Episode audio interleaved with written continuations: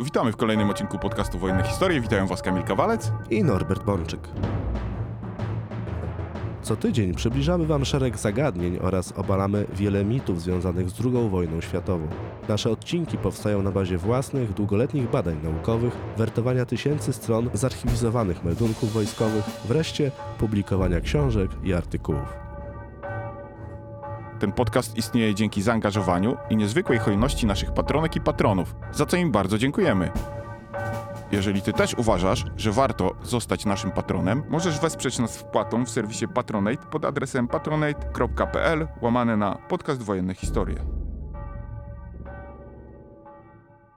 Norbert, Kazimierz nad Wisłą i leżący na drugim brzegu Wisły Janowiec to bardzo malownicze miasteczka, które obecnie przyciągają, głównie oczywiście latem, rzesze turystów. Ale myślę, że mało kto z nich zdaje sobie sprawę z tego, że latem 1944 roku właśnie te dwa miejsca były świadkiem krwawej bitwy pomiędzy Armią Czerwoną forsującą Wisłę, a broniącymi się Niemcami. Czy mógłbyś dzisiaj opowiedzieć właśnie o tym epizodzie, bo przyczółek, który zdobyły tam latem 40 1944 roku wojska radzieckie, okazał się w styczniu 1945 roku istotnym punktem kolejnej ofensywy wojsk radzieckich. Tak, rzeczywiście. Masz rację, Kamilu, kiedy mówimy o rzece Wiśle jako o przeszkodzie wodnej o charakterze operacyjnym, to ona z jednej strony w II wojnie światowej, zwłaszcza w czasie walk między Niemcami a Armią Czerwoną, na parę miesięcy skutecznie powstrzymywała ruch wojsk radzieckich na zachód. Niemniej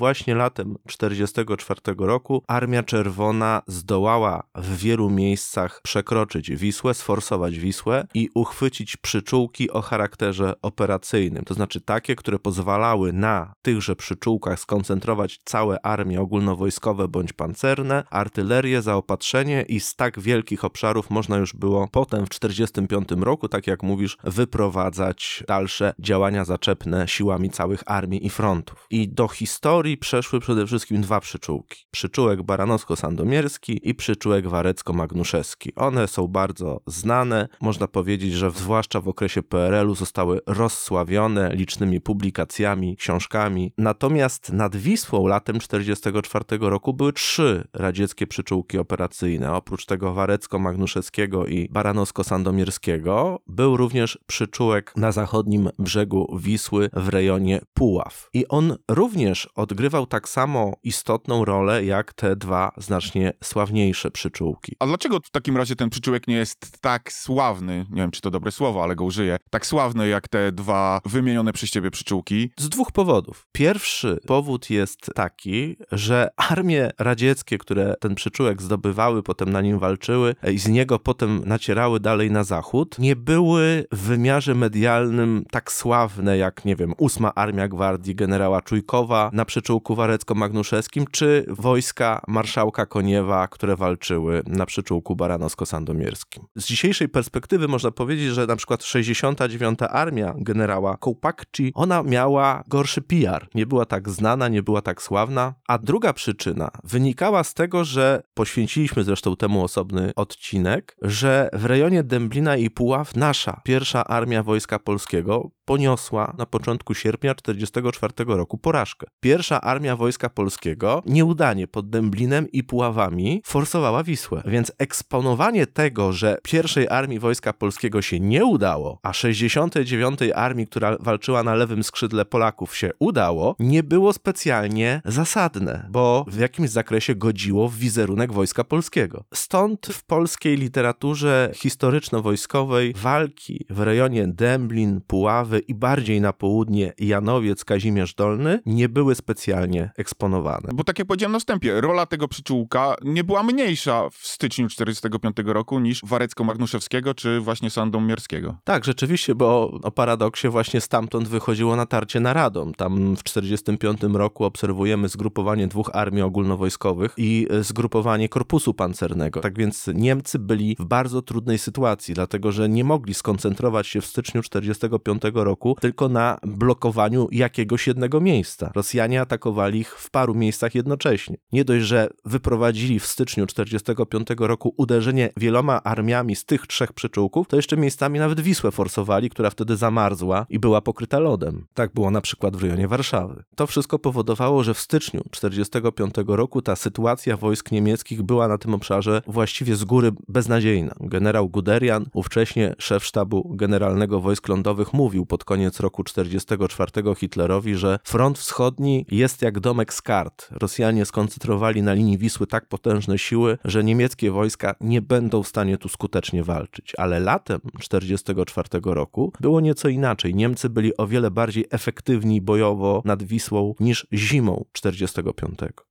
Natomiast tą historię o zapomnianej bitwie, którą można nazwać bitwą o zamek w Janowcu, dlatego że jeżeli, tak jak powiedziałeś, dzisiaj przyjeżdżamy w te okolice, odwiedzamy je na przykład turystycznie, to jest piękny przyrodniczo obszar. Kazimierz Dolny jest przecież jednym z najbardziej malowniczych, niezwykle rozpoznawalnych turystycznie miasteczek w Polsce. Z jednej strony mamy wąwozy, jary, po drugiej stronie Wisły na zachodnim brzegu mamy potężne wzgórze, na którym znajdują się dziś ruiny zamku w Janowcu. Potężna forteca, wielokrotnie przebudowywana, należała przez wieki do najpotężniejszych rodów magnackich w Polsce. Tym zamkiem władali i lubomirscy, i potoccy, ale tak jak cała historia naszej Rzeczypospolitej, losy tego zamku były zawiłe i koniec końców popadł on w ruinę. Już od czasów potopów szwedzkich był niszczony, palony, a od czasów wojen napoleońskich tak naprawdę nie był już zamieszkały, co powodowało, że stopniowo ta wielka forteca stawała się malowniczą ruiną. Ostatnia bitwa o zamek w Janowcu została stoczona na przełomie lipca i sierpnia 1944 roku, bo i zamek był doskonałym punktem obserwacyjnym, doskonałym punktem terenowym. Stamtąd niemieccy obserwatorzy artyleryjscy mieli wgląd w olbrzymi obszar na wschód. Niemcy, trzymając zamek w Janowcu, trzymając wzgórze, mogli skutecznie naprowadzać własną artylerię, mogli blokować próby forsowania rzeki. Stąd było to miejsce niezwykle istotne z punktu widzenia sztuki wojennej, które należało zdobyć i na początku sierpnia 1944 roku, po kilku dniach dramatycznych walk, rzeczywiście Armia Czerwona ten zamek w Janowcu zdobyła. Ale jak to się stało, że naszym wojskom, czyli wojskom pierwszej Armii Wojska Polskiego, nie udało się zdobyć tam przyczółka, natomiast odniosły sukces, tak jak mówisz, wojska radzieckiej 69. Armii? Znaczy, zasadniczo jest tak, że powinieneś forsować przeszkodę wodną, taką szeroką przeszkodę wodną, raczej w miejscu, gdzie przeciwnik nie jest przygotowany do walki. Natomiast tam, gdzie przeciwnik zdoła się przygotować, gdzie zdoła ściągnąć dodatkowe siły, to szanse są małe. I pod Dęblinem i Puławami Niemcy mieli swoje podstawowe zgrupowanie obronne, które cały czas wzmacniali i tam zanotowali sukces w obronie. Natomiast właśnie w rejonie Janowca i Kazimierza Dolnego nie zdołali w podobny sposób skoncentrować swoich wojsk, mimo że 69. Armia w wielu miejscach nie forsowała jakoś specjalnie lepiej Wisły niż nawet y, oddziały polskie. W dwóch miejscach im się udało i to wystarczyło, dlatego że czasem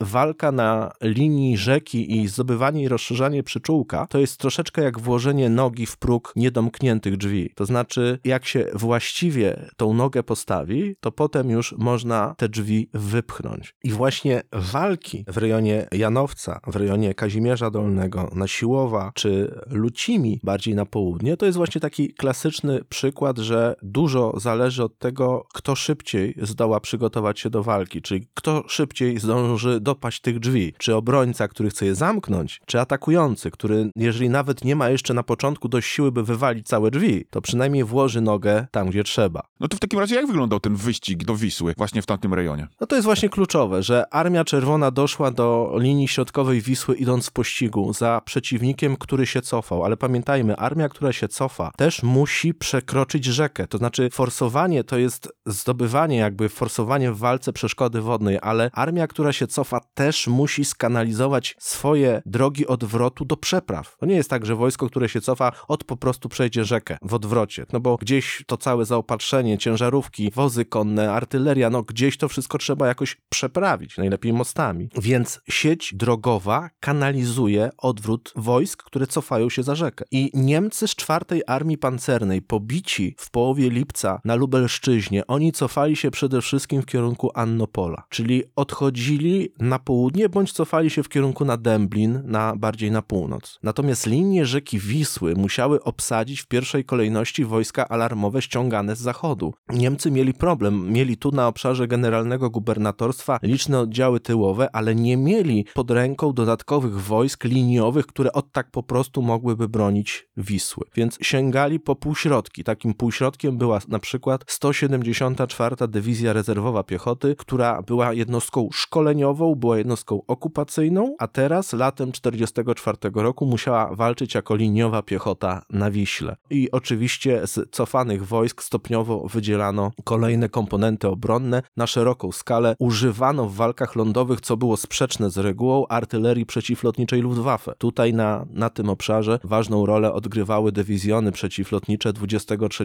Pułku Artylerii Przeciwlotniczej Luftwaffe. To też na, wiedzą świetnie nasi patroni właśnie z odcinka o niemieckiej artylerii przeciwlotniczej, że taki pułk przeciwlotniczy to była naprawdę potężna siła. Tak, rzeczywiście, zwłaszcza w wymiarze artyleryjskim. Ciężkie działa przeciwlotnicze kaliber 88 mm miały charakter uniwersalny. I nad Wisłą Armia Czerwona wielokrotnie boleśnie się o tym przekonała, że ten acht, koma acht, że to jest tak naprawdę armata uniwersalna. Do ognia stromotorowego też się całkiem dobrze nadawała. Ale pytasz właśnie, jak wyglądał ten wyścig do Wisły, bo to rzeczywiście był wyścig, dosłownie, to był wyścig, dlatego że 18, 19, 20 lipca wojska niemieckie walczące na wschód od Bugu i na linii Bugu zostają w wielu miejscach rozbite, zaczynają w nieładzie wycofywać się na zachód. 23-25 lipca mamy bitwę o Lublin i wojska radzieckie wchodzą w wolną przestrzeń operacyjną. Niemcy zostali pobici na wielu kierunkach, nie stawiają już oporu. I 69. Armia generała Kołpakci to jest skrajna, lewoskrzydłowa armia całego pierwszego frontu białoruskiego marszałka Rokosowskiego. I ona również przetacza się przez rejon Chełma, przez rejon Lublina w natarciu na zachód. Tylko wojska radzieckie, które atakują z obszaru Wołynia, mają problem logistyczny, dlatego że Wołyń w rejonie Kowla, który to stanowił punkt wyjścia do ofensywy, to jest obszar bagienny. Tam jest dużo rzek, jezior, uboga sieć drogowo-kolejowa. I to wpływa negatywnie na prędkość dowozu zaopatrzenia, paliwa, amunicji dla wojsk radzieckich, które wchodzą na Lubelszczyznę. Już w rejonie Lublina 69. Armia zaczyna przeżywać problemy aprowizacyjne. 25 lipca Lublin jest zajęty, na południe od Lublina znajduje się 69. Armia i 26 lipca dowódca 69. Armii nakazuje stworzyć grupy wydzielone do pościgu za nieprzyjacielem, w tym na prawym skrzydle dostaje taki rozkaz 91. Korpus Strzelecki generała Wołkowa. I generał Wołkow ma podwójny problem, dlatego że po pierwsze dowódca armii zabiera mu jedną dywizję, 312 dywizję strzelecką wycofuje z korpusu, bo musi mieć odwód armijny. To jest typowe zachowanie radzieckiego dowódcy armii. On działa zgodnie ze sztuką, że wydziela z poszczególnych korpusów od czasu do czasu poszczególne dywizje, aby używać ich jako odwodu szczebla armii. To jest bardzo ważne, jeżeli dowódca armii zostanie zaskoczony na polu walki, to musi mieć jakiś odwód o charakterze operacyjnym. Ale generał Wołkow ma za zadanie stworzyć grupy pościgowe w kierunku Wisły. I każda dywizja strzelecka dostaje rozkaz utworzyć grupę pościgową, ale nie ma paliwa. Dlatego pada rozkaz, robimy przegląd wszystkich jednostek w korpusie, niech każdy melduje, ile ma benzyny. Ze wszystkich jednostek będziemy ściągać benzynę, wydzielimy taki specjalny oddział pościgowy w stronę Wisły i zgodnie z rozkazem dowódcy armii, on wyjedzie z rejonu Lublina w kierunku Kazimierza Dolnego, Dolnego i on będzie miał za zadanie forsować Wisłę jako oddział wydzielony armii. I co ciekawe, tyle mieli wtedy benzyny, że w całym 91 korpusie udało się ją zebrać dla 50 ciężarówek i 14 dział samobieżnych. Tutaj taka uwaga, 14 działów samobieżnych SU-76, bo nie wszystkie pojazdy pancerne Armii Czerwonej jeździły na olej napędowy, nie, nie wszystkie miały silniki diesla. Część pojazdów używała jak najbardziej silników benzynowych, a najliczniejszym pojazdem, który użytkował benzynę, a nie olej, było właśnie działo samobieżne SU-76, które zresztą musiało jeździć na wysokogatunkową benzynę, czyli można było jakieś naprawdę paskudne świństwo wlać do silnika gaza, ale nie należało czegoś takiego wlewać do silnika działa samobieżnego SU-76. I w całym 91 Korpusie Strzeleckim znalazła się benzyna dla 50 ciężarówek i 14 dział samobieżnych, co pokazuje, jakim wyzwaniem jest logistyka. I stworzono taką grupę pościgową na bazie 240 Pułku Strzeleckiego 117 Dywizji, parokompanijną. Przydzielono jej wszystkie możliwe środki przeprawowe, jakie miał korpus, łącznie tam z łodziami, nawet z osobistymi kombinezonami pływackimi, bo i takie wyposażenie było w Armii Czerwonej. I pchnięto już nocą z 26 na 27 lipca ten oddział wydzielony, którym dowodził pułkownik Rusakow w kierunku Wisły spod Lublina. I to jest rzecz bardzo charakterystyczna. To obserwujemy w wielu armiach, które zwyciężają, które prowadzą intensywne działania zaczepne. Nacieraj, nacieraj, nacieraj, nie daj wytchnienia przeciwnikowi. Nawet jeżeli nie jesteś w stanie utrzymać tempa natarcia główną masą swoich wojsk, to ścigaj wroga oddziałami wydzielonymi. Formuj oddziały pościgowe, aby zdobyć jak najwięcej terenu, aby uniemożliwić twojemu wrogowi zajmowanie dogodnych pozycji obronnych w oparciu o kolejne dogodne rubieże terenowe. Trudno znaleźć w Polsce lepszą, dogodniejszą rubież obronną jak linia rzeki Wisły. I Rosjanie nie chcieli, aby Niemcy wykorzystali rzekę jako pozycję obronną. Stąd właśnie na gwałt, na rety, 14 dział samobieżnych, 50 ciężarówek, kilkuset bojców pułkownika Rusakowa natychmiast spod Lublina pchamy na Kazimierz Dolny. A co się stanie z resztą armii, kiedy ona dotrze? A reszta armii dotrze do was, jak dowiozą jej paliwo. Oczywiście pamiętajmy, armia ogólnowojskowa Armii Czerwonej w II wojnie światowej opierała się jednak w dużej mierze o transport konny. Żołnierze maszerowali pieszo, armaty w wielu przypadkach zaopatrzenie korzystało z zaprzęgów konnych. Tylko część jednostek miała charakter zmotoryzowany. Wojska szybkie potrafiły oderwać się od wojsk maszerujących pieszo bądź korzystających z zaprzęgów konnych na dwie, trzy doby. I Armia Czerwona która była częściowo oparta na zaprzęgach konnych, a częściowo była zmotoryzowana, to czasami właśnie ulegała takiemu rozwarstwieniu na grupę szybką i na siły główne. I już o świcie 27 lipca 1944 roku oddziały 69 Armii, oddziały wydzielone docierają właśnie nad Wisłę. W tym wypadku mówimy o oddziale wydzielonym pułkownika Rusakowa z 91 Korpusu, bo to był jeden z trzech korpusów 69 Armii. A jak silna była ta armia? Bo pierwsza armia Wojska Polskiego to były raptem cztery dywizje. Czy tutaj było podobnie? To jest ciekawe zagadnienie. Znaczy 69 Armia generała Kołpakci to była klasyczna, można powiedzieć, z jednej strony modelowa armia Armii Czerwonej tego okresu, czyli armia ogólnowojskowa i jej trzonem są trzy korpusy strzeleckie, czyli w naszej nomenklaturze powiedzmy korpusy piechoty. W każdym korpusie piechoty trzy dywizje piechoty, czyli w nomenklaturze Armii Czerwonej dywizje strzelców i to wszystko jest obudowane oddziałami wsparcia, oddziałami zabezpieczenia, czyli w tym wypadku mieliśmy trzy korpusy. 91 Korpus Strzelecki, 25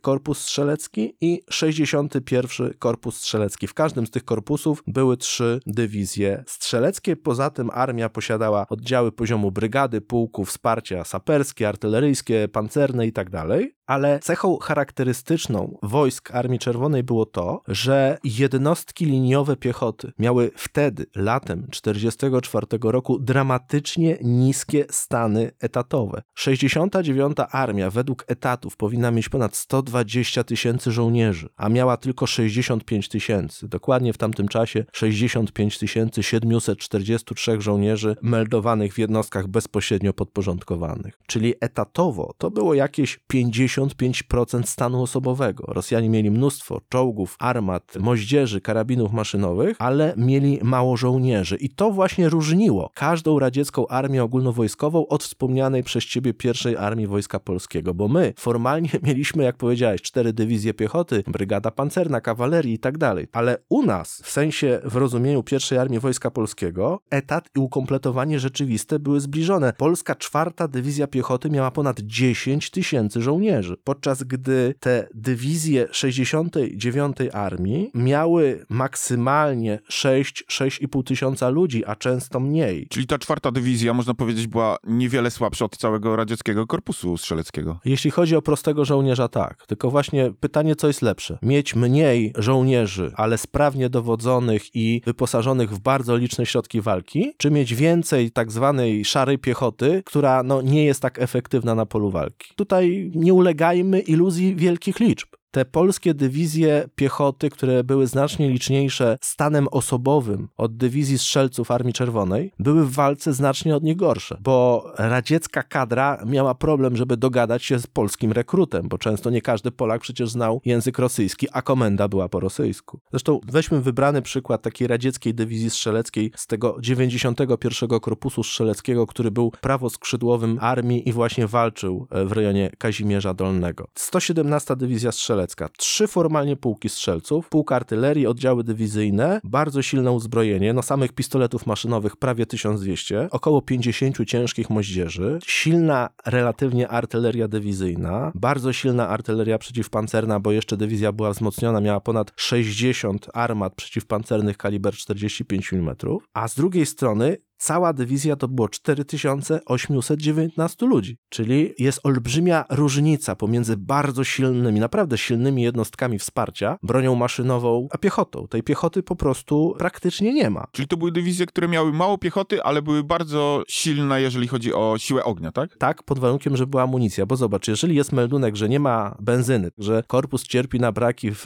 zaopatrzeniu w paliwa, to jest, istnieje bardzo duże prawdopodobieństwo, że cierpi również na braki w zaopatrzeniu w amunicję. I 69. Armia borykała się latem 44 roku, zwłaszcza na początku sierpnia 44 roku, z poważnymi brakami amunicyjnymi. Natomiast wracając jeszcze do samej kwestii piechoty. Jak masz rozbudowaną strukturę, wiele pułków, batalionów i tak dalej, a masz mało żołnierzy, to zaburza ci obraz zdolności bojowych danego pododdziału, oddziału i związku taktycznego. To znaczy dowódca armii na ten przykład odpowiada za wiele elementów na polu walki i on naprawdę nie poświęci zbyt dużo czasu pytaniom szczegółowym, a ilu żołnierzy ma batalion X lub Y w pułku Z. Tylko on widzi, jest dywizja, jest, ma trzy pułki, ma. No to rozkaz dla dywizji trzypułkowej wykonać. Nie wykonałem, panie generale, ale dlaczego? No mam trzy bataliony, ale te bataliony to są bataliony widma. I Rosjanie wiedzieli, że to jest problem, że Rokosowski czy dowódcy armii mogą ulegać złudzeniu zbyt licznych batalionów. I dlatego latem 1944 roku w Armii Czerwonej na linii Wisły obserwujemy zjawisko redukcji pododdziałów.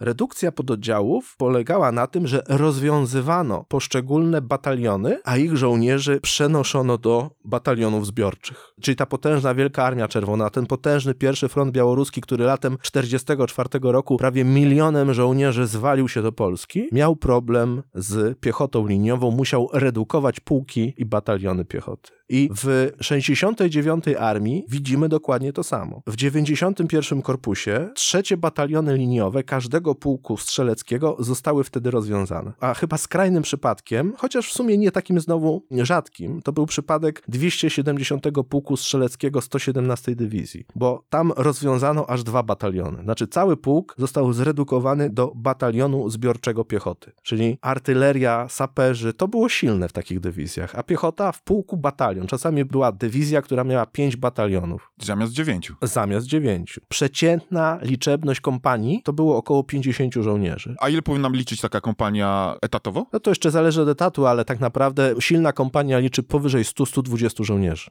Ale mimo tych wszystkich trudności, Niemcy mieli jeszcze gorzej. Niemcy mieli ten problem, że ich armia była pobita, Armia Czerwona szła do natarcia. I wsiedli Rosjanie w te 50 samochodów, uruchomili te 14 dział samobieżnych i pułkownik Rusakow o godzinie 9 rano 27 lipca 1944 roku zjawił się w Kazimierzu Dolnym nad Wisłą. Niemcy w ogóle nie próbowali bronić się na wschodnim brzegu rzeki. Natomiast byli już na zachodnim. I już tego samego dnia, kiedy działa samobieżne Rusakowa wjeżdżały do Kazimierza, to na ruinach zamku w Janowcu już działał niemiecki punkt obserwacyjny dla artylerii. I widok mieli fantastyczny. To było lato, pogodne, ciepłe i Rosjan ratowało tylko to, że w rejonie Kazimierza jest dużo właśnie takich jarów, wąwozów, gdzie można ukryć wojska przed obserwacją nieprzyjaciela. Ale co innego jest ukryć wojsko w wąwozie, a co innego jest skutecznie forsować Wisłę w tym rejonie. Jak tylko rankiem 27 lipca oddział wydzielony dotarł do Wisły, wkroczył do Kazimierza Dolnego, Rosjanie zaczęli przygotowania do forsowania rzeki. Nie mogli tego robić za dnia, bo jak powiedziałem, Niemcy obserwowali wszystko z ruin zamku w Janowcu, ale już nocą z 27 na 28 lipca oddziały wydzielone zaczęły forsować rzekę. W nocy ta fantastyczna pozycja obserwacyjna z Janowca była w dużej mierze nieprzydatna i w ciągu kilku kolejnych nocy, z 27 na 28, z 28 na 29, z 29 na 30, można powiedzieć, że ten 91 Korpus Strzelecki Armii Czerwonej generała Wołkowa tak nieco rachitycznie przerzucał na drugi brzeg Wisły nocami z użyciem niewielkiej ilości środków przeprawowych, a to pojedyncze plutony, a to pojedyncze kompanie piechoty. Niemcy próbowali temu przeciwdziałać, ale w gruncie rzeczy w rejonie na północ od Janowca, w rejonie Kazimierza byli na tyle słabi, że te rachityczne tak naprawdę radzieckie desanty nie były niszczone. A nie były niszczone dlatego, że po pierwsze Niemcy tu byli słabi, a po drugie na południe od Janowca, w rejonie Lucimi, inny radziecki korpus strzelecki 69 Armii, 61 Korpus uzyskał zdecydowanie największe powodzenie i Niemcy mieli problem, że Rosjanie atakują ich w wielu wielu miejscach, że forsują tą rzekę właściwie wszędzie. Niemcy nie mogli wytworzyć punktu ciężkości własnej obrony, bo z zamku w Janowcu meldowano, że na południe od zamku wielkie forsowanie, na wprost zamku forsowanie, na północ od zamku forsowanie. I największy sukces Armia Czerwona osiągnęła parę kilometrów na południe od zamku w Janowcu. To był pas natarcia 61 Korpusu Strzeleckiego 69 Armii, ale tak jak powiedziałem, w rejonie samego Kazimierza Dolnego i na północ od niego w rejonie Janowiec, Wojszyn na Siłów trwało forsowanie Wisły. Tylko ta 69. armia, ona musiała podejść tymi swoimi siłami głównymi nad rzekę. To zajmowało czas. To trwało około 48 godzin. 28-29 lipca na wschodnim brzegu Wisły gromadziło się coraz więcej artylerii, coraz więcej jednostek. To sprawiało, że rozwijała się radziecka artyleria, a 30 lipca dowieziono wreszcie duże ilości amunicji, czyli ten głód zaopatrzeniowy, to wąskie gardło zostało zostało chwilowo przezwyciężone. I 30 lipca generał Wołkow wiedział już, że o teraz jego chałubice mogą przemówić, mogą dać wsparcie desantom, a poza tym wreszcie w ogóle dojechały na pole walki w większych ilościach. I o ile pierwszy desant w rejonie Kazimierza Dolnego to jest jeszcze noc z 27 na 28 lipca i to jest przeprawa oszałamiającej liczby 40 żołnierzy radzieckich, o tyle tak naprawdę ten zasadniczy, główny desant zaczął się w nocy z 30 na 31 lipca. I walka rozgrywała się w, na, w pasie działań całego korpusu, całych dwóch dywizji, czyli na prawym skrzydle działała 370. Dywizja Strzelecka i ona forsowała rzekę na kierunku na Nasiłów. Na lewym skrzydle, właśnie bezpośrednio w rejonie Kazimierza Dolnego i Janowca, na Wojszyn działała 117. Dywizja Strzelecka 91. Korpusu. I to był dla naszej pierwszej armii Wojska Polskiego pewien problem, dlatego że Dęblin i Puławy położone są nieco bardziej na północ i w pasie radzieckiego korpusu było wyraźne ciążenie w kierunku na Janowiec, a nie w kierunku na Puławy. W związku z czym generał Wołkow miał pretensje, że pierwsza armia Wojska Polskiego tak powoli podchodzi pod Wisłę, tak powoli szykuje się do jej forsowania, bo on już forsował Wisłę w lipcu, on nie czekał na sierpień. Dlatego, że pamiętajmy, wielkie forsowanie Wisły latem latem 1944 roku szybciej odbywało się na obszarze Małopolski i południowego Mazowsza niż na przykład w rejonie Warszawy. Bo kiedy na przykład 1 sierpnia 1944 roku generał Czujkow rozpoczyna to forsowanie sławne, które doprowadzi do stworzenia przyczółka warecko-magnuszewskiego, to w tym samym czasie większość 69. Armii jest już na zachodnim brzegu Wisły, w rejonie Janowca, w rejonie Kazimierza i również wojska marszałka Koniewa pod Sandomierzem znacznie szybciej forsują rzekę. A czy forsowanie takimi drobnymi elementami, trochę tej nocy, trochę tamtej nocy, nie sprawiało, że Armii Czerwonej ciężko było utrzymać ten przyczółek? No właśnie dlatego wcześniej mówiłem o tej nodze włożonej w próg drzwi. Z pierwszej nocy, drugiej nocy, a tu jakiś pluton się przeprawił, a tu jakaś kompania, no to Niemcy flankują go ogniem, jakoś tam reglują włamania, ale raz, że mają mało sił własnych, dwa, że mając znacznie bardziej poważny problem na południe od Janowca, trochę lekceważyli ten przyczółek na północ od Janowca. Tymczasem każdej nocy Rosjanie go lekko poszerzali. A to kolejnych 20 żołnierzy, a to kolejnych 80 na jakichś łódkach się przeprawia, a to stopniowo bateria moździerzy się znajduje już na drugim brzegu Wisły. Tutaj dowództwo niemieckie miało olbrzymi problem, żeby właściwie reagować na to, co się dzieje. Tak czy inaczej, rankiem 31 lipca 1944 roku siły główne 91 Korpusu Strzeleckiego były już na zachodnim brzegu Wisły. Do wieczora tego dnia do 370 i 117 Dywizji Strzeleckiej dołączyła już nawet artyleria pułkowa, czyli armaty przeciwpancerne, armaty pułkowe 76 mm i moździerze były już na przyczółku na zachodnim brzegu Wisły. A jeszcze gorsza sytuacja dla Niemców, tak jak powiedziałem, rozwijała się na południe od zamku, w rejonie Lucimy. Tam przyczółek radziecki był już tak duży, że zaczęto przewozić na drugą stronę rzeki sprzęt ciężki. Tylko oczywiście Wisła jest barierą logistyczną. To, że przerzuciłeś batalion piechoty, dywizjon artylerii i baterię moździerzy, to nie znaczy, że ona za chwilę będzie 40 km gdzieś bardziej na zachód, bo ona też musi mieć amunicję, żywność, paliwo, musi działać zgodnie z jakimś planem. Więc Niemcy reglują, blokują dalsze posuwanie się przeciwnika, tym bardziej, że cały czas trzymają ten zamek. I ci niemieccy obserwatorzy artyleryjscy informują, przeciwnik widoczny jest tu, przemieszcza się tam i te nawały ogniowe dają się bardzo bardzo mocno we znaki oddziałom radzieckim ale 91 Korpus Strzelecki uzyskał pełne powodzenie w forsowaniu Wisły z wyjątkiem swojego prawego skrajnego skrzydła, czyli na styku z Polakami. I 1230 pułk generał Wołkow nakazał nocą z 31 lipca na 1 sierpnia ewakuować na wschodni brzeg Wisły, dlatego że ten pułk nie uzyskał powodzenia. Wylądował na zachodnim brzegu, ale nie posunął się do przodu, nie był w stanie przerzucić na zachodni brzeg ciężkiego uzbrojenia, nie był w stanie poszerzyć powodzenia i ten pułk ewakuowano na wschód, czyli czyli za Wisłę, tylko po to, żeby przeszedł parę kilometrów na południe i znowu ją sforsował. Tylko już w miejscu, gdzie uchwycono solidny przyczółek. Czyli żeby wzmocnił po prostu uchwycony przyczółek. Dokładnie tak. Po prostu w jednym miejscu się ewakuowali przez Wisłę, przeszli parę kilometrów na południe i znowu przeprawili się przez Wisłę, ale już na lepiej opanowanym przyczółku przez kolegów.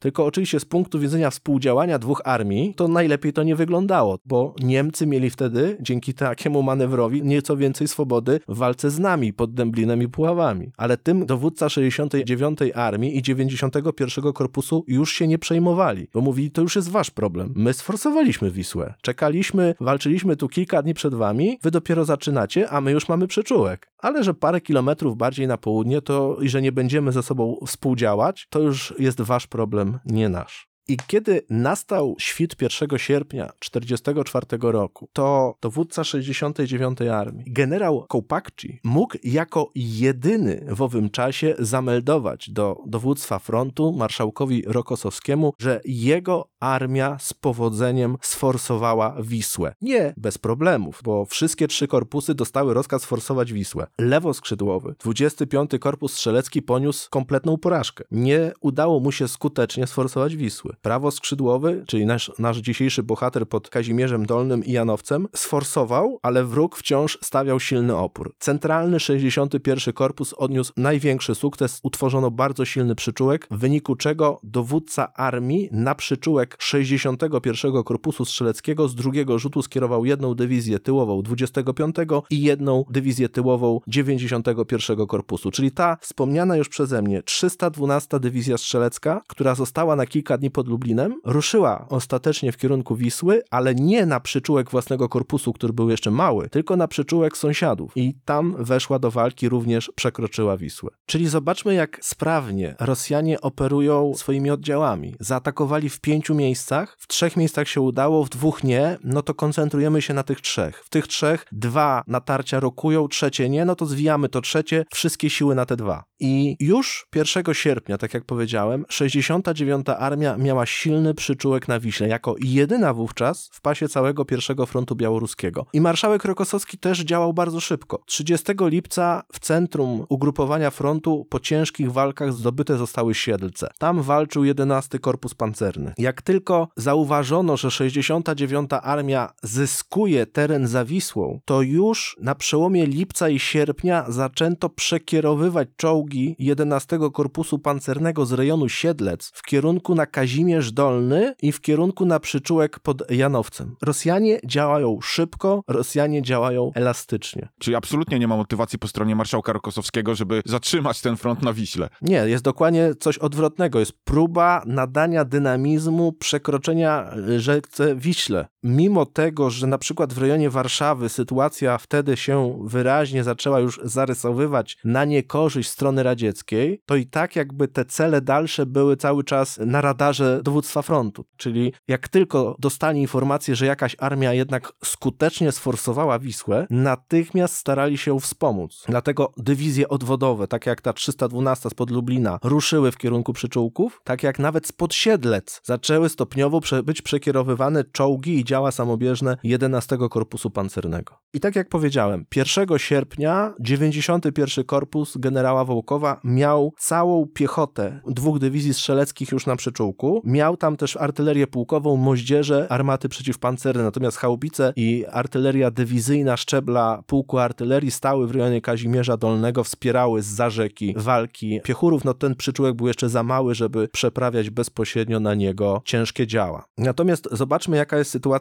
taktyczna tego 1 sierpnia. Zamek w Janowcu jest obsadzony przez Niemców. Niemcy cały czas z jego ruin obserwują całą okolicę, ale na północ i na południe od zamku są już dwa radzieckie przyczółki 69 Armii. Większy na południu i mniejszy na północy. No więc co będzie naturalnym pomysłem dowództwa radzieckiego w takiej sytuacji? Oczywiście połączenie przyczółków, a jak? Zbieżnym uderzeniem na zamek w Janowcu. Niemcy jednak cały czas starają się wyzyskać tą niezwykle skuteczną pozycję obronną. Natomiast dowódca 91 Korpusu na świt 2 sierpnia wyznacza datę natarcia, kiedy to oddziały radzieckie mają spróbować uderzyć na Janowiec i to z północy na południe, a jednocześnie trzecia dywizja Korpusu 312, która wchodzi na przyczółek południowy, ma ruszyć na północ, połączyć się z kolegami właśnie na ruinach zamku. I rankiem 2 sierpnia 1944 roku przy akompaniamencie wyrzutni rakietowych artylerii zawisły rozpoczął się pierwszy dzień szturmu na zamek w Janowcu, tak naprawdę na cały Janowiec, na okoliczne sady, na całe wzgórze. Był niezwykle intensywny dzień krwawych walk. Wieczorem 69. Armia meldowała, że oba korpusy prowadzą intensywne działania zaczepne, że wyeliminowano z walki 1200 żołnierzy przeciwnika z 240 14 i 26 Dywizji Piechoty, że wzięto 70 jeńców, ale jednak w wieczornym meldunku nie było, że zamek wzięto, bo zamek, a właściwie Niemcy na przedpolach tego zamku wciąż twardo się bronili. I z Kazimierza Dolnego było widać, że ten 91 Korpus, a przede wszystkim 117 Dywizja Strzelecka ma duży problem, żeby posuwać się do przodu. Było jednak widać, że kiedy wróg ma takie stanowiska, górujące nad nacierającymi, że to jest jednak doskonałe stanowisko obrony obronne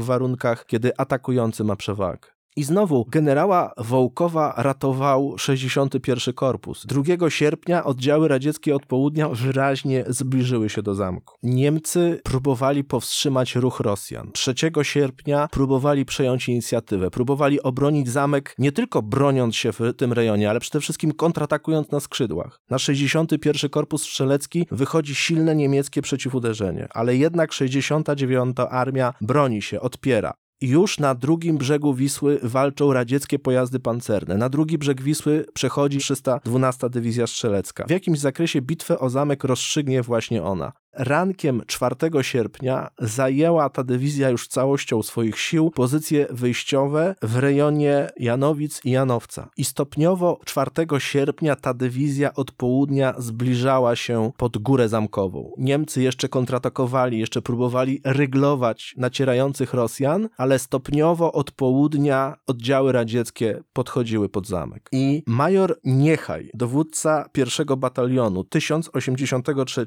Pułku Strzeleckiego Strzeleckiego 312 Dywizji. Był dowódcą grupy uderzeniowej, która jako pierwsza dotarła do ruin zamku w Janowcu. I bezpośrednio już w ruinach tej wielkiej fortecy dochodziło do walki wręcz między niemiecką załogą a żołnierzami majora Niechaja. Około południa 4 sierpnia zamek został zdobyty. Oddziały 312 Dywizji jeszcze w godzinach popołudniowych odparły niemiecką próbę odzyskania pozycji. Nie było jeszcze połączenia przyczółków, ale Rosjanie zdobyli najważniejszy punkt terenowy na obszarze. Chwilowo zdobycie zamku było ostatnim sukcesem, dlatego że te ciężkie walki wyczerpały Rosjan. Wyczerpały Rosjan również w wymiarze logistycznym. Ten dowóz amunicji, który na pod koniec lipca pozwolił jakby ożywić działania, te zapasy amunicji znowu spadły do bardzo niepokojących rozmiarów. To znaczy Rosjanie walczyli skokami. Doszli do Wisły, nie mieli amunicji, dowieziono im trochę tej amunicji, w wyniku czego skutecznie utworzyli przyczółek i znowu zalegli. 5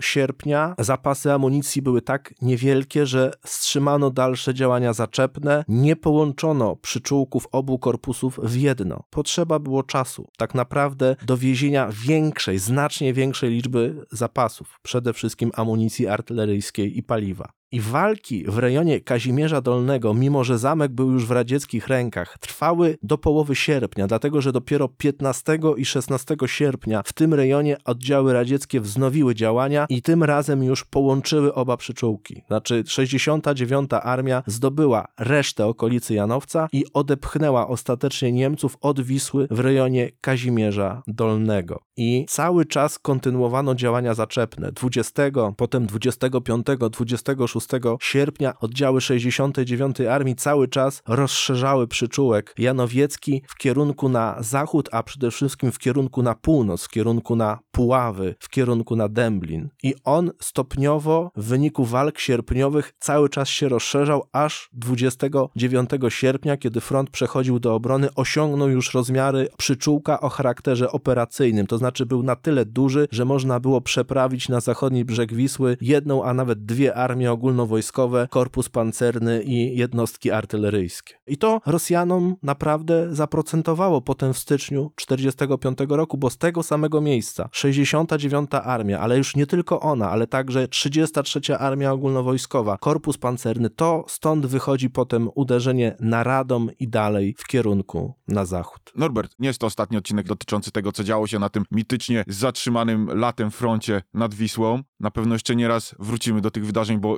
działo się tam naprawdę dużo. A za ten odcinek Ci bardzo dziękuję i do usłyszenia. Dziękuję bardzo. Dziękujemy, że byłeś z nami do końca tego odcinka.